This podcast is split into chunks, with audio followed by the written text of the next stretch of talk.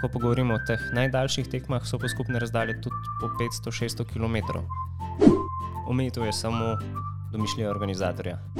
Doskrat smo bili s klunom čovna kar meter po pol v zraku in če bi nas tam obrnili, si ne predstavljam, da bi nas našli. Sicer se bo slišal klišejsko, ampak to je pač način življenja. Smo imeli pa tudi že 90-urno tekmo, ko smo spali nekaj manj kot 3 ure. Jaz sem videl krokodila v beli krajini zraven ceste. Ja, hvala lepa, računam ne par let, ampak povratek 2024. A, no, to sem vidiš tudi to. ekipi že potrdil.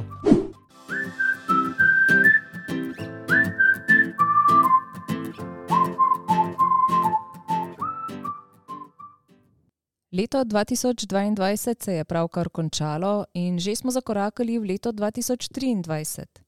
In ker je december običajno zelo bogat z obdarovanji, januar pa bistveno bolj prazen in siv, smo za vas, drage poslušalke in dragi poslušalci, in če smo povsem iskreni tudi za nas, ustvarjalci podcasta Hiša pripravili prav posebno darilo. Odločili smo se, da v letošnjem letu vsak voditelj pripravi eno dodatno bonus epizodo, v katero lahko povabi posebno zanimivega gosta ali gostjo, ki načeloma ni povezan s tematiko podcasta Hiša, je pa na tak ali drugačen način povezan z njim. In prvo od štirih bonus epizod sem pripravila jaz, Barbara Šubic, v goste pa povabila Tomaža Cankar, zdravnika, avanturista, ljubitelja narave in športa, katerega strast so predvsem pustolovske tekme.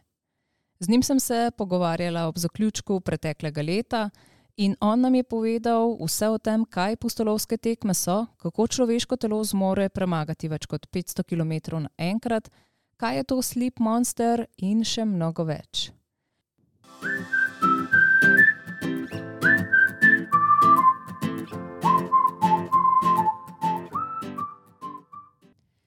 Drage poslušalke, dragi poslušalci, danes gostimo meni prav posebno ljubega gosta. Avanturista, ljubitelja narave in športa, družinskega človeka, prijatelja, zdravnika, žirovca in ne nazadnje mojega brata Tomaža Cankar. Tomaž, Živijo. ži- Živijo. Dobrodošel. Tomaž, ti se že celo življenje ukvarjaš s športom. Začel si s treniranjem nogometa, od katerega si se poslal nekje v srednji šoli, potem pa si svoje športne izzive iskal v različnih športih, v teku, kolesarjenju, osvajanju vrhov, orientaciji in našel strast v prav posebni športni zvrsti, ki združuje vse naštete športe, pa še marsikaterega zraven. Adventure Race ali po slovensko pustolovske dirke. Enkrat si nekje zapisal, da so pustolovske dirke divji gozdni bratranec triatlona, od njega odmaknjen nekaj kolen. Povej nam, prosim, o čem je govora. Ja, kot si omenila, moja športna pot se je začela nekako v žireh, predvsem z nogometom, pol si me pa v bistvu prav ti spravljal v tekaške vode z motivacijo za moj prvi polmaraton, ki se mi je sicer zdel zelo zanimiv, ampak hkrati tudi malo monoton. In pol sem v enem ljubljanskem v bistvu mesečniku eh, videl oglas za Škofiloško mestno avanturo, ki je v bistvu eno od teh pustolovskih dirk, trajajoča tam 5-6 ur. Sem se za njim kolegom tukaj izžiral, tudi Simonom Lukančičem, prijavil. In sem ugotovil, da je to nekaj, kar po meni ustreza. Zdaj, pustolovske tekme so v bistvu tekme, kjer kombiniraš različne športe, primarni so tek, kolesarjenje in pa veslanje. Prav posebno pa to disciplina dela to, da to niso nekako fiksne razdalje, ampak se ti s kompasom in zemljevidom čez to progo prebijaš. Kar pomeni, da ne sam, da moraš premagati to razdaljo in pobrati vse kontrolne točke. Velik faktor je tudi v tem, katero pot zbiraš, koliko se zgubiš in kako v bistvu tudi tempiraš, da se boš še posebej znotraj te tekme potrudil. In od tam se je ta zgodba razvila, da smo pa preko različnih ekip z različnimi sotekmovalci prišli pa do tega formata, v katerem se zdaj nahajamo, ker v svojem bistvu so pa pustolovske tekme zares vzdržljivostna disciplina, od katerih te, bom rekel, najvišji nivo predstavljajo tekme svetovne serije, ki so pa v trajanju tudi okrog 100 ur. Se pravi, smo več dni na trasi, večkrat zamenjamo discipline in tam še posebej prav pride to, da si prilagodljiv, da se znaš spopadati s težavami, da se znaš znajdi, ko se zgubiš, ko si ne prespan. In pa, um, kot sem rekel, divi, divi bratranci, triatlona, triatlonci zmeraj vejo, koliko jih čaka, kaj jih čaka, vse predvidevajo lahko in se na to lahko že vnaprej tudi psihično pripravijo. V Adventure Raceu to ne gre, ker ne veš, kaj te bo čakalo drugo, tretjo noč, ne veš, kako se bo s fizično in psihično utrujenostjo soočal tvoj sotekmovalec, tudi če veš, da si ti maksimalno pripravljen in to terja nekaj več prilagodljivosti. Koliko pa so običajno dolge, oziroma kakšne kategorije so po dolžinah ali po težavnostih? Zdaj največ je takih, bom rekel, sprotnih tekem, ki trajajo rečemo 12 ur po Hrvaškem, včasih tudi nekaj po Sloveniji, po Italiji. Tam so razdalje med 80 in 150 km, in ponovadi so tudi razdalje posameznih disciplin. Veslanje je ponovadi tam 10-20%, kar na taki razdalji nanese okrog 10 km, pol okrog 20 km teka, ostalo pa kolo. Ko pa govorimo o teh najdaljših tekmah, so pa skupne razdalje tudi po 500-600 km.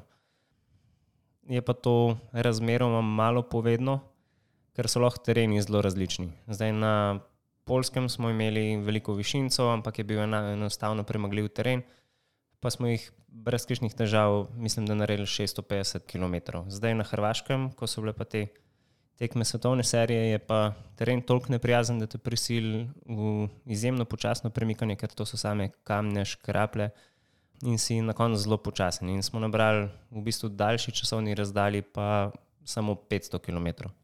Samo 500 km. Ja.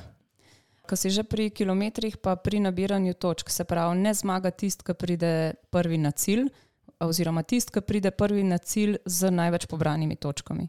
Ja, v bistvu glavni kriterij je, da imaš pobranih čim več, časov, čim več kontrolnih točk, in med tistimi, ki jih imajo pobranih, predvidoma maksimalno število točk, se pa naprej gleda po času.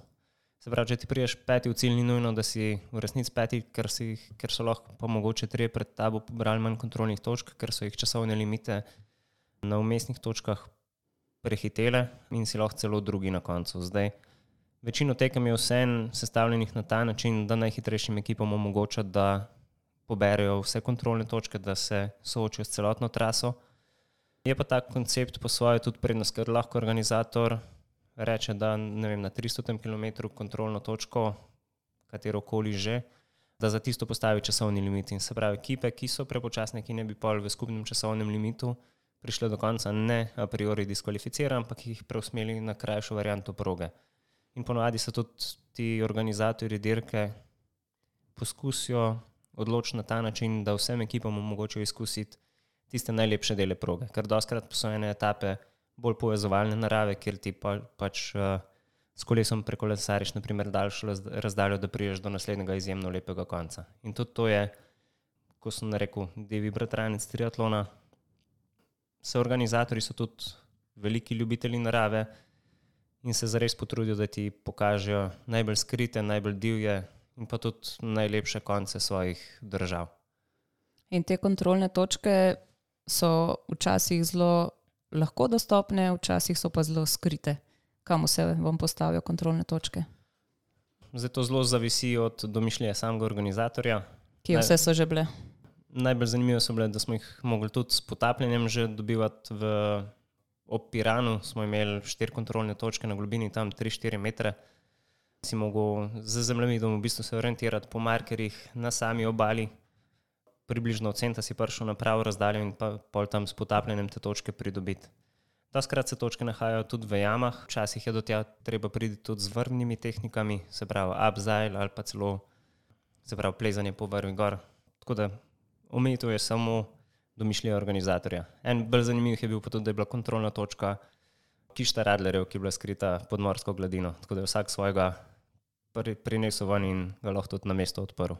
Ja, ta, ta, ta je verjetno pasala. Omenil si že, da to so tekmovanja v ekipah. Od česa je odvisno, koliko članov šteje ta ekipa? Zdaj, najmanjše tekme so praviloma sestavljene iz dvočlanskih ekip, ker je tudi za organizatorja logistično, pa glede prijav to toliko lažje.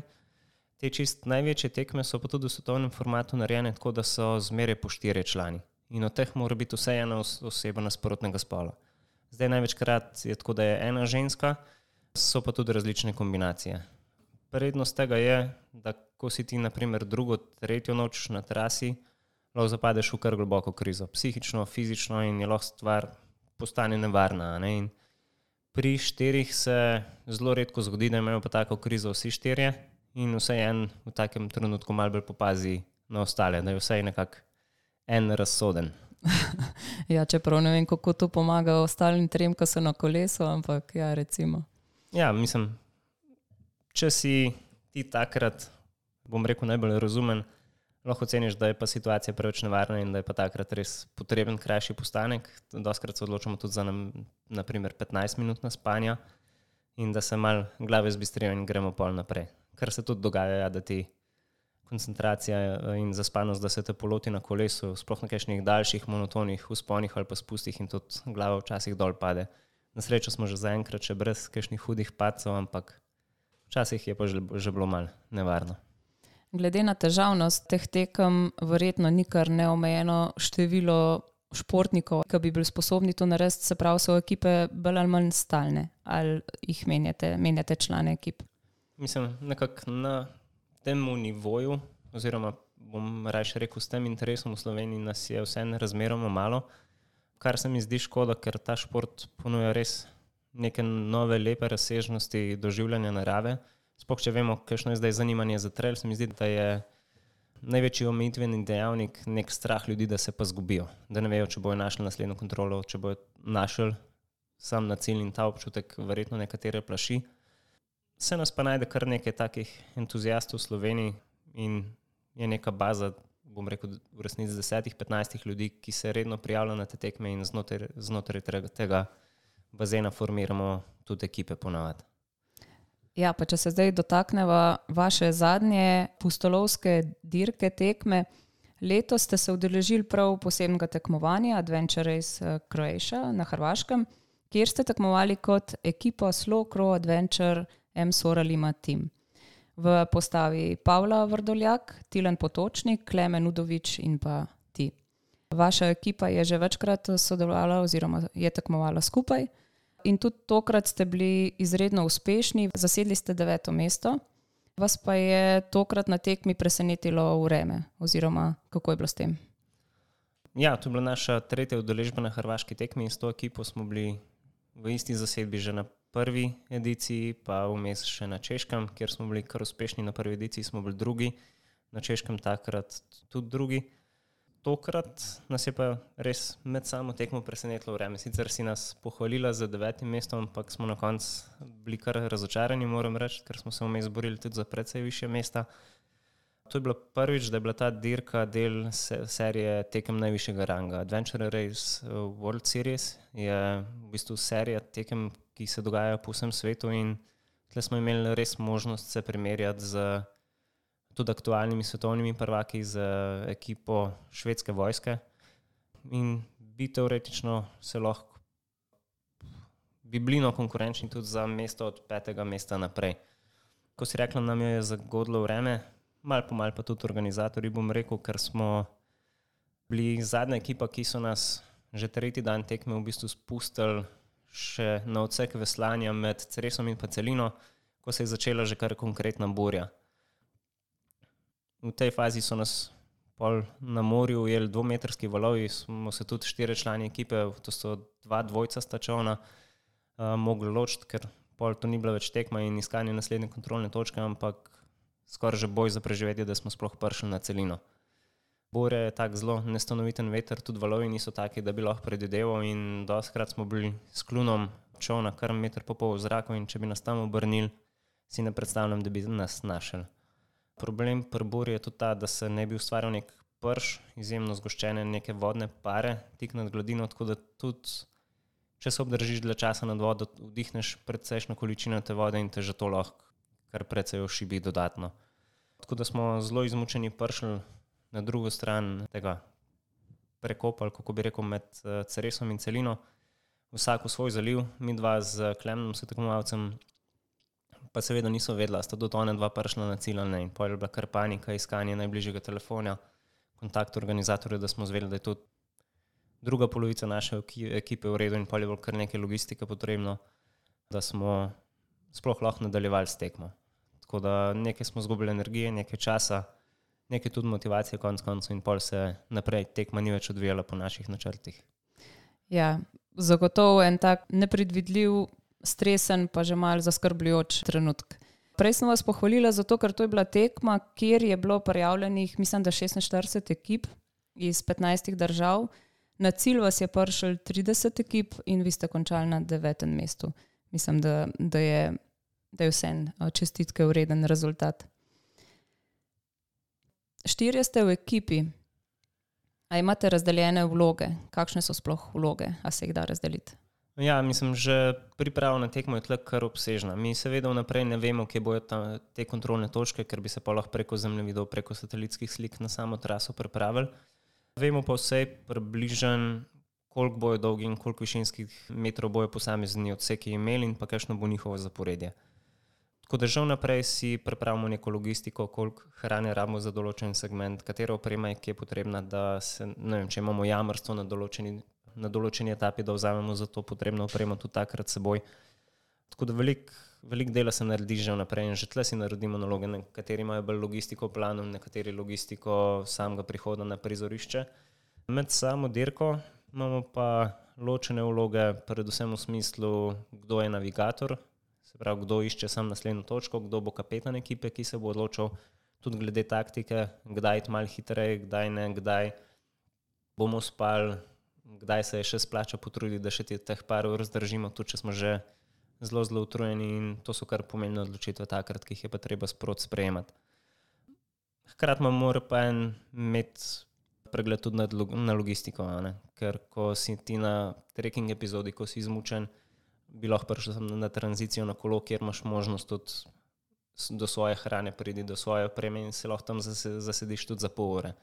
En mora imeti v mislih, da ko prejš tja, da veš točno zaporedje, kaj moraš narediti, katere čevlje vzeti kako kolo pripraviti, da imamo vsi čelke in da se te stvari zmenimo že pred prihodom, te, da te stvari res potekajo čim bolj tekoče. Tako da so vloge kar definirane vnaprej. Ja, ti vem, da si odličen orientacist in verjetno ta vloga bolj ali manj pripada tebi. Ja, jaz sem glavni orientacist naše ekipe. To znanje sem nekako pridobil sproti v desetih letih, v katerih se s tem ukvarjam. Še vsem pa vidim, da mi naprimer manjka neka dolgoletna podlaga iz ukvarjanja s tem športom. Prvo leto sem tudi tekmoval z Juretom Zmrzlikarjem, ki je bil večkrat tudi slovenski državni prvak in to vidiš, koliko je lahko ta stvar gladka. Tudi neke novozelandske, švedske ekipe imajo bogato zgodovino ukvarjanja z orientacijo in to jim ponovadi prinaša zmage. Zdaj sicer za ta nivo, pa za moje tekme, je moja orientacija največkrat za dost, se mi pa pozna, da vse nisem tako sovren, ko koncentracija pade ko si izrazito utrujen, pol hitreje delaš napake. Tako da to je še področje, na katerem bi se rad izboljšal, pa bomo videli, kako bo prihodne. Ker tudi, če se zdi zadovoljivo vsem, da ti na časovnici 90 ur za eno uro narediš orientacijskih napak, kar vsem na taki razdalji ni tok, to vsem lahko eno do dve mesti ti prenese. Kako pa se vi pripravljate na taka tekmovanja, oziroma kako je sploh možen telo pripraviti na take fizične napore? Verjeten spodvigi, kot je bil vajen izlet s Klemenom, ko sta v 29 urah premagala 440 km, šla takrat iz eh, Prebačevga na Triglav in potem iz Triglava na morje in potem spet do Prebačevga. A je to en del treninga za take tekme? Mislim, to je za naj predstavljalo neki izziv, veselje, družbo zelo redko imamo zelo definirane treninge, da bi rekel, da se res decidirano pripravljaš za določeno preizkušnjo. Sicer se bo slišal klišejsko, ampak to je pač način življenja. Ko, ti, ko ti uživaš v naravi, ko se trudiš čim več časa tam aktivno preživljati, s tem kar nekaj kilometrov noter preneseš. In glih to, da si veliko zunaj, da te mal stvari lahko še preseneti, kaj, lahko, kaj ti lahko organizator ponudi in s kakšnimi izzivi se boš srečal, se mi zdi, da je to ključno. Tudi ko smo ene parkrat že omenjali tole primerjavo s triatlonom, eh, so triatlonci sigurno fizično močnejši. Oni imajo redne scheme treningov, imajo trening plane in tudi na tekmi te gole vate in surovo moč zelo dobro pokažejo. In si predstavljam, da bi mi bili, da in mi na samih triatlonih ne bi bili zelo konkurenčni. Prav tako smo imeli pa občasno povratek, oziroma smo imeli kakšnega, ki je prišel iz triatlona k nam, za katere je bil pa to psihičen zelo drugačen izziv. Ne? Ko je kar naenkrat računal, da bo 40 km, pa ker se je dvakrat zgubil, jih je z tega ratal 60, je bilo to nekaj, kar njegovi triatlonski možgani niso zelo dobro sprocesirali. Ja. Ne, pa, čeprav je bil fizično v resnici boljš pripravljen kot mi, ampak so malo specifike enega in drugega, in vsak bo svojega konja hvalil. No. Jaz zaenkrat ostajam pri Adventure Race. Pa če se o, malo osredotočim na te ta daljše tekme, koliko časa spite vmes? V treh dneh, ko poteka tekma, tri do štiri dni, koliko je počitka? Ja, ponovadi se nam nabere, bom rekel, če gre vse dobro, tam okoli tri ure. Zdaj se je že zgodilo, da tudi več, zdaj na Hrvaškem, ko smo imeli pol te probleme z logistiko, smo vmes čakali, da so nas prišli ščovni iskati, smo lahko tudi po dve, tri ure še tam pospali.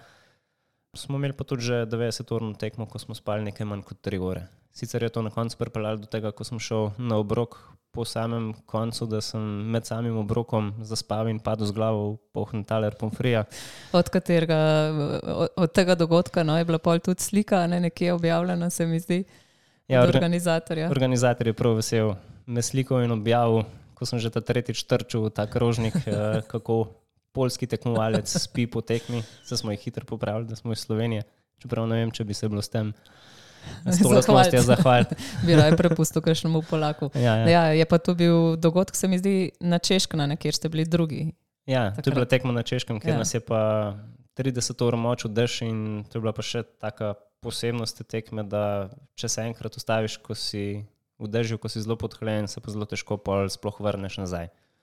Veliko časa te tekme smo bili na tretjem mestu, pa je ena ekipa mlajša, mlajših Čehov od izmučenosti se odločila počivati v eni na pol zaprti avtobusni postaji, da bi vse tisto pol ure spanca oddelala, pa se potem niso več pobrali.